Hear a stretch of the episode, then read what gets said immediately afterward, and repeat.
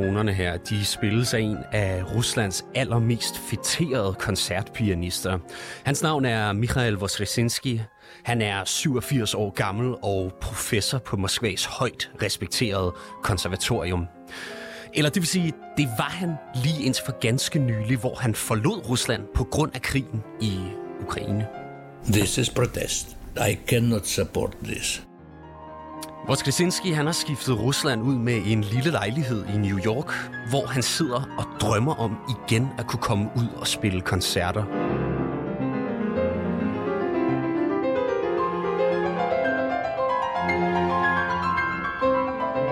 Du lytter til konfliktzonen, hvor vi i dag ser nærmere på den berømte russiske afhopper Mikhail Voskresinski, og hvad hans protest mod Putins krig egentlig betyder. Mit navn er Mads Vestager. Velkommen til konfliktzonen.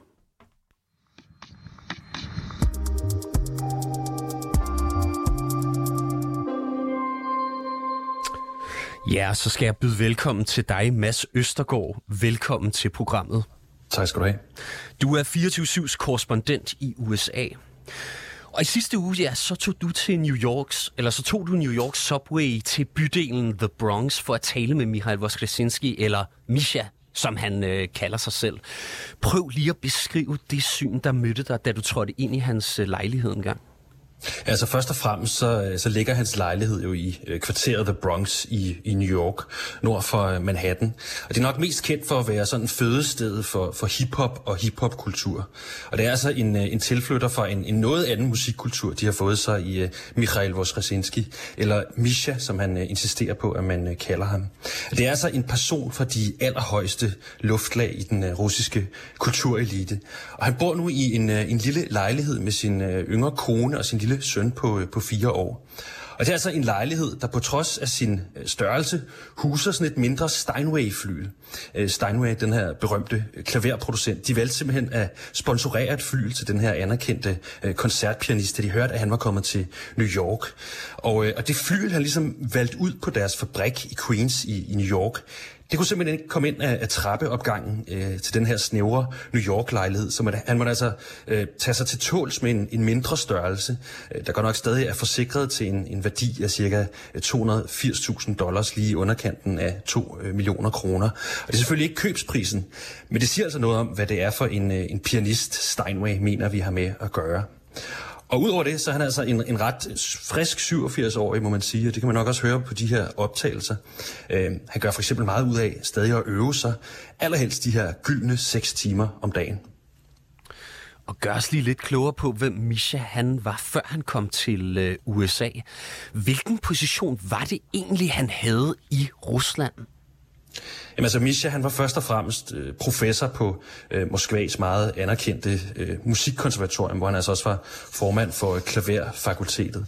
Og øh, han har huseret på det øh, konservatorium siden 1950'erne. Og der var altså ikke noget, han elskede mere, end at være på øh, konservatoriet, spille i den her store, øh, guldbedækkede koncertsal. Øh, den optagelse, vi hørte i starten, det var vist nok derfra. Jeg tror, det var et stykke øh, Chopin, han øh, excellerede i. Og så ellers det her med at undervise og opdyrke den store talentmasse af elever, der altså søgte til det her anerkendte øh, konservatorium. Og udover det, så var han og er stadig en berømt koncertpianist, der har spillet i over 150 lande, deltaget i talrige internationale konkurrencer og indspillet omkring 50 plader.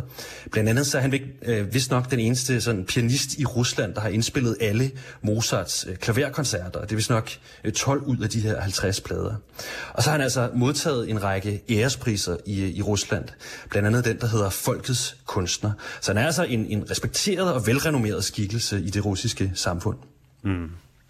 Sidste år, altså i 2022, ja, der flytter han jo så fra Rusland til USA, og han forklarer det med, at han ikke kunne se sig selv i et land, der førte krig mod det, han ser som et broderfolk.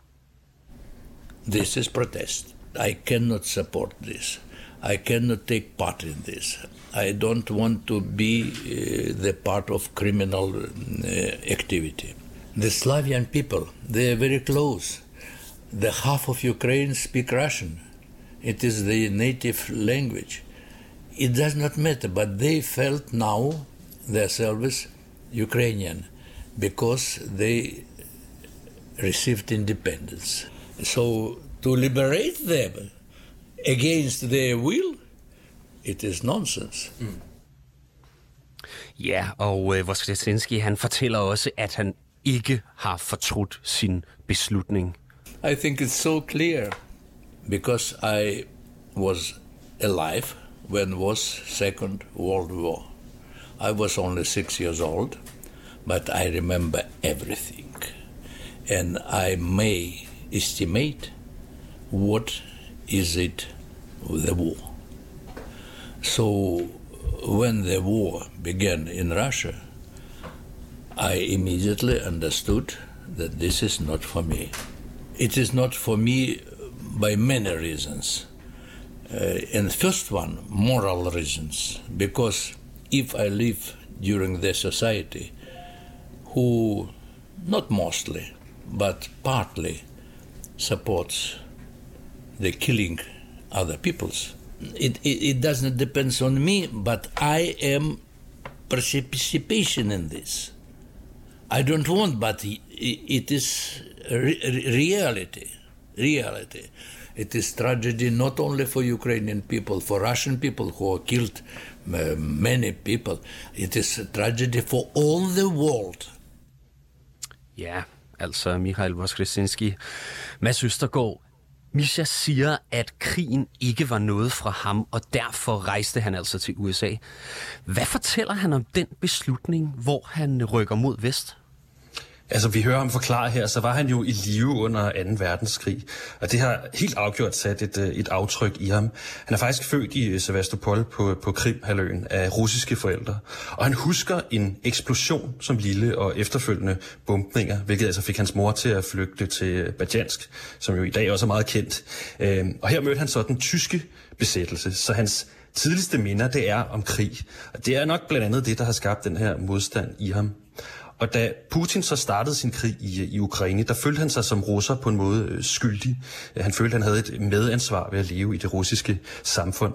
Så det var først og fremmest en moralsk beslutning meget pudsigt, så fortalte han, at det, der for alvor vokste en modstand i ham mod øh, Putins regime, det var selvfølgelig krigen i Georgien, men først og fremmest så var der altså ulykken omkring øh, atombåden Kursk i, i år 2000, hvor Rusland som bekendt i mange dage nægtede de her forulykkede øh, sømænd international hjælp, og, og Putin også ventede øh, fem dage med at afbryde sin ferie ved, øh, ved Sortehavet for at tage sig af ulykken.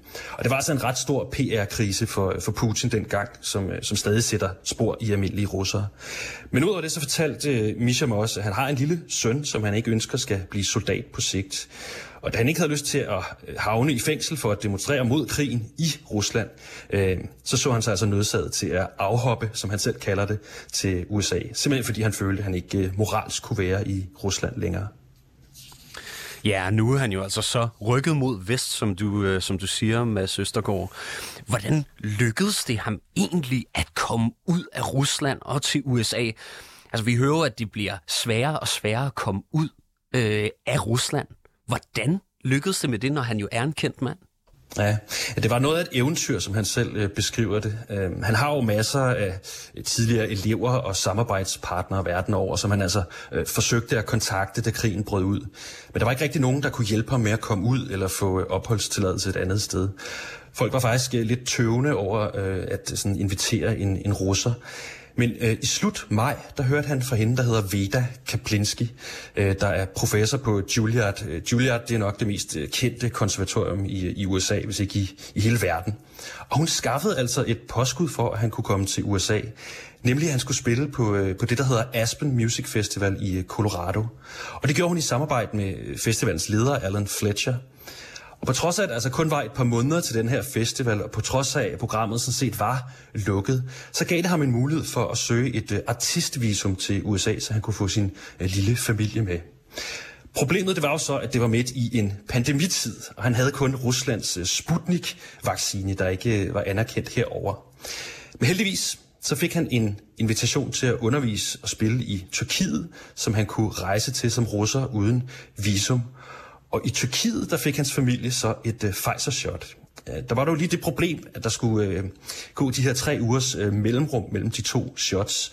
Så han måtte simpelthen lyve for konservatoriet, og så sige, at han tog lidt ekstra ferietid med sin øh, familie. Og i mellemtiden så kunne han altså godt se, at pengene kunne komme til at være ret små med alt det her rejseri for at skaffe visager.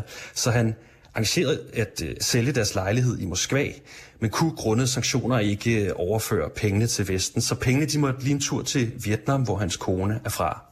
Og så skulle han ellers have fat i det her visum til USA. Og problemet det var jo, at den amerikanske ambassade i Rusland var lukket, og der var altså gevaldig ventetid på alle landenes øh, ambassader rundt omkring øh, Rusland. Og han fik at vide, at han kunne søge i Italien, der havde sådan relativt lav ventetid. Men han manglede samtidig også et visum til EU.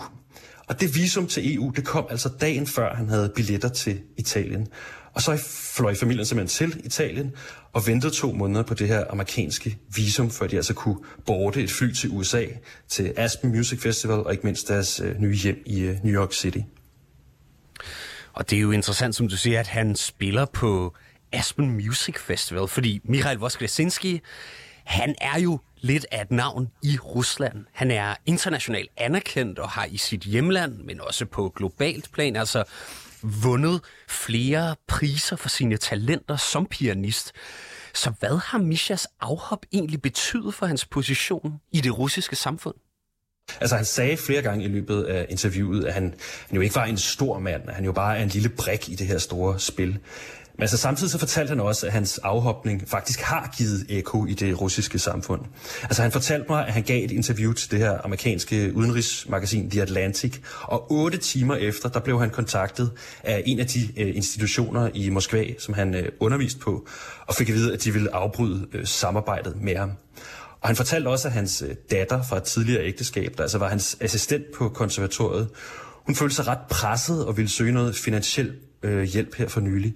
Men det krævede altså en godkendelse fra hendes arbejdsgiver. Og da hun så søgte om det, der sagde vedkommende, at det ville altså ikke kunne lade sig gøre, og at hun nok selv vidste hvorfor. Og det tolker han altså som en, en reaktion på hans øh, afhopning. Hvad fortæller det egentlig om den måde, som, øh, som Rusland kan man sige, behandler afhopper eller dissidenter på, der nu begynder at, øh, at, at tale op rundt omkring i verden? Altså han fortalte mig, at på øh, konservatoriet, der gør de alt for sådan stille og roligt at lægge låg på ham. Altså ligesom at jeg kan sige, eliminere hans betydning i det russiske åndsliv. Han kan stadig tale i telefon med sine venner, øh, sine kolleger og sin familie, og han er stadig sådan officielt set på, øh, på overlov fra konservatoriet. Men altså efter han har været så offentlig her om sin afhopning, og ikke mindst det faktum, at hans øh, afhopning er en protest, så mener han selv, at det vil være øh, umuligt for ham nogensinde at genvinde sin øh, position i det russiske øh, samfund. Han fortalte mig, at der var øh, flere kolleger på øh, konservatoriet, der støttede krigen, og det var noget, der kom bag på ham, fordi han, som selv udtrykker det, som han selv udtrykker det, han troede, de var øh, kultiverede mennesker. Og han sagde, at der sågar var kolleger, der godt nok var imod øh, Putins øh, regime, men altså mente, at siden man nu har startet den her krig, så må man også vinde den. Men som han understregede, så i hans cirkel af venner, der er øh, modstand mod krigen altså ret stor. Ved man egentlig noget om, hvor mange russere, der ligesom Misha er afhoppet til USA efter krigen brød ud? Altså det er ret svært at sætte et, et tal på, ikke mest fordi det er jo, øh, at det er jo ikke et tal, som Rusland ligefrem flasher øh, offentligt, hvis de overhovedet selv ved det.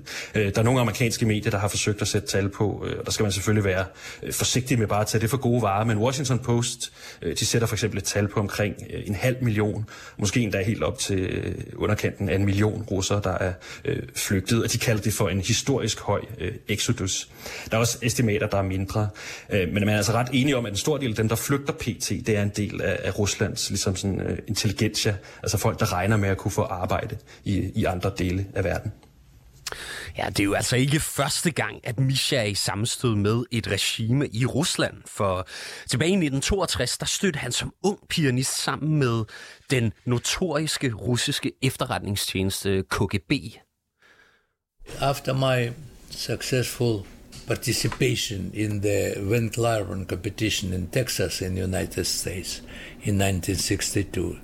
My career began to develop very fast, and maybe because of this, I had one telephone call with some proposals to collaborate together against the country who surrounds Soviet Union uh, I, I told them, Do you want me to be spy? No, no, of course, no.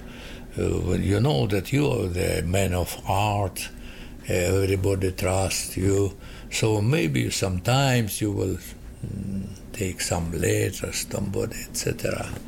No, I understood that it is impossible for me, but how to refuse? You know, if I refuse, I... But I told next day that you know that I am the emotional man because I play piano. It is art. I am extremely emotional, so I I didn't sleep all the night. So I understood that if I will accept your proposal, I can make some mistake, which will be against my country. So I, I must not do it. And the receiver was put down, and my career was put down.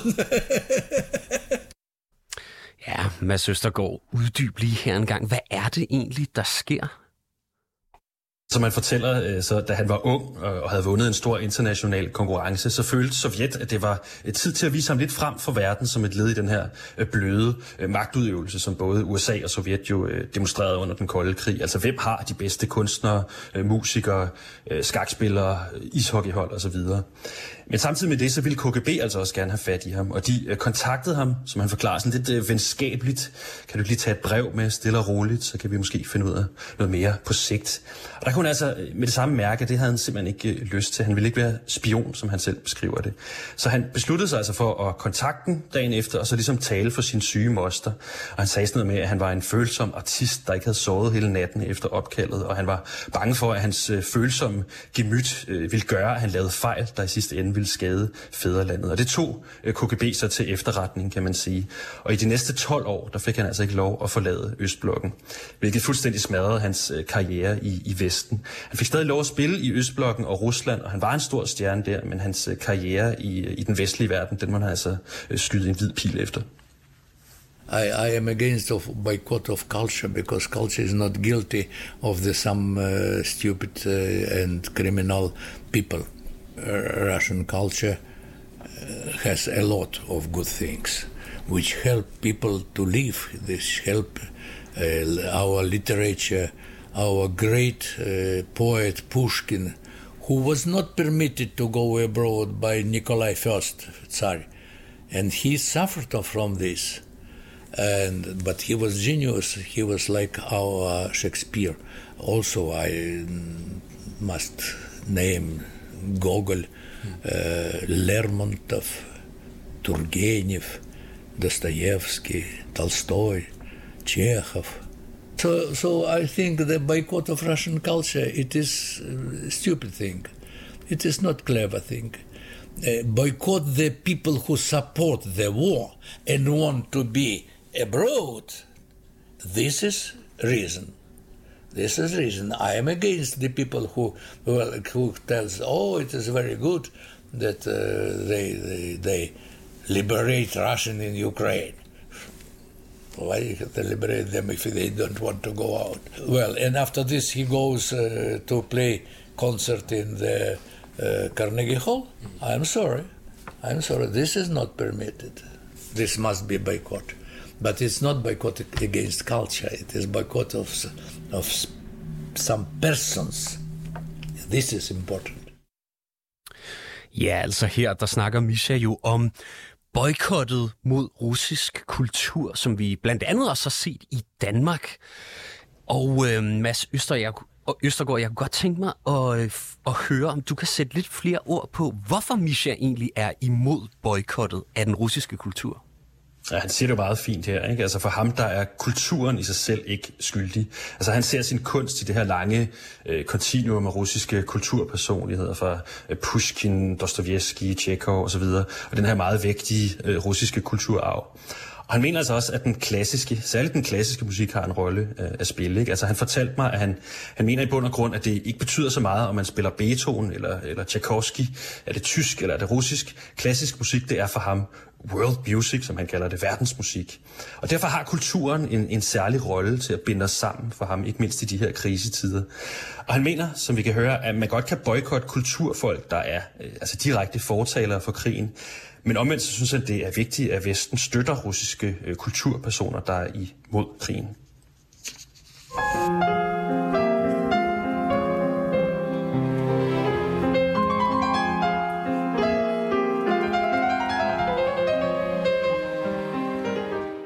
Tilbage i lejligheden i The Bronx på Manhattan. Der sidder den øh, 87-årige pianist ved sit klaver. Han holder øje med telefonen og venter på, at han igen kan komme ud og gøre det, han elsker allermest. Nemlig at spille klaver for, øh, for folk. Hvordan står det til med Mishas karriere i USA, Mads Østergaard? Altså han har ikke mindst til sin egen store øh, overraskelse haft lidt svært ved at bryde igennem øh, lydmuren herover. Altså han har givet en øh, masterclass på Juilliard-konservatoriet og spillet sådan lidt øh, private koncerter, men det er altså skortet lidt på de helt store øh, koncerter. Og det kan jo virkelig mærkeligt, især når man tænker på, hvor meget USA og Vesten de gør ud af at fremhæve øh, altså russiske dissidenter under den kolde krig. Øh, forfatteren øh, Solzhenitsyn er jo et godt eksempel på en, der blev øh, taget imod med åbne arme i, i Vesten, og der var jo flere øh, russiske kulturfolk, der, der forlod Sovjet for på en måde at bevare den russiske øh, kulturarv, som de så, øh, så som troede. Ikke? Øhm, men der er han altså ikke blevet fuldstændig sådan omfavnet i USA. Altså, det er ikke fordi, han er blevet inviteret til det øh, hvide hus. Og selvfølgelig er situationen også en helt anden her end, end under den kolde krig, og man er selvfølgelig heller ikke, eller måske ikke så, så interesseret i den her bløde magt længere. Øhm, og så skal man selvfølgelig også huske på, at den her historie med øh, KGB jo på en måde gjorde, at han røg sådan lidt bag om valsen i forhold til sin internationale karriere, i hvert fald i øh, Vesten. Han kom ikke så meget ud at spille i resten af verden, og kunne ikke skabe sig et navn i sin, øh, i, i sin ungdom. Øhm, så det har nok større betydning sådan internt i Rusland, at han har øh, afhoppet, end det har her i, øh, i USA. Men jeg spurgte ham, om han øh, fortrød noget, øh, og det gjorde han altså ikke. Øh, for ham var der ikke noget valg. Øh, han er stadig stolt af, at man for eksempel ikke kunne finde hans navn i nogle af de øh, øh KGB-arkiver, der blev øh, åbnet. Og her til sidst, hvis øh, bare lidt kort på det her spørgsmål, Mads Østergaard, regner Misha med at kunne vende tilbage til Rusland engang? Nej, det gør han ikke. Altså, han er jo som nævnt øh, flere gange 87 år, og han mener altså, at der skal et øh, regimeskifte til, før han kan vende hjem. Og det er en stor sorg for ham, fordi han elsker Rusland, og ikke mindst den russiske øh, kunst og kultur. Men altså moralsk set, så kan han ikke se sig selv i, i Rusland, og på grund af det kan han heller ikke vende tilbage til Rusland. Lad os lige til sidst høre, hvad han svarer, da du, Mads Østergaard, spørger ham, om han er optimistisk altså for Ruslands fremtid. fremtid. Usually in my life, I always optimistic. I was and I am in my life. But it, mm, uh, to concern of uh, Russian situation, I am pessimistic. No, no, I don't know.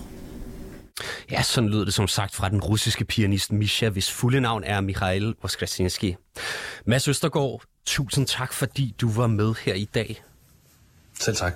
Som sagt altså 24-7's korrespondent i USA med fra New York City. Og så skal jeg for god ordens skyld lige nævne, at Mads Østergaard har lavet interviewet i samarbejde med freelance journalist Johan Bisan.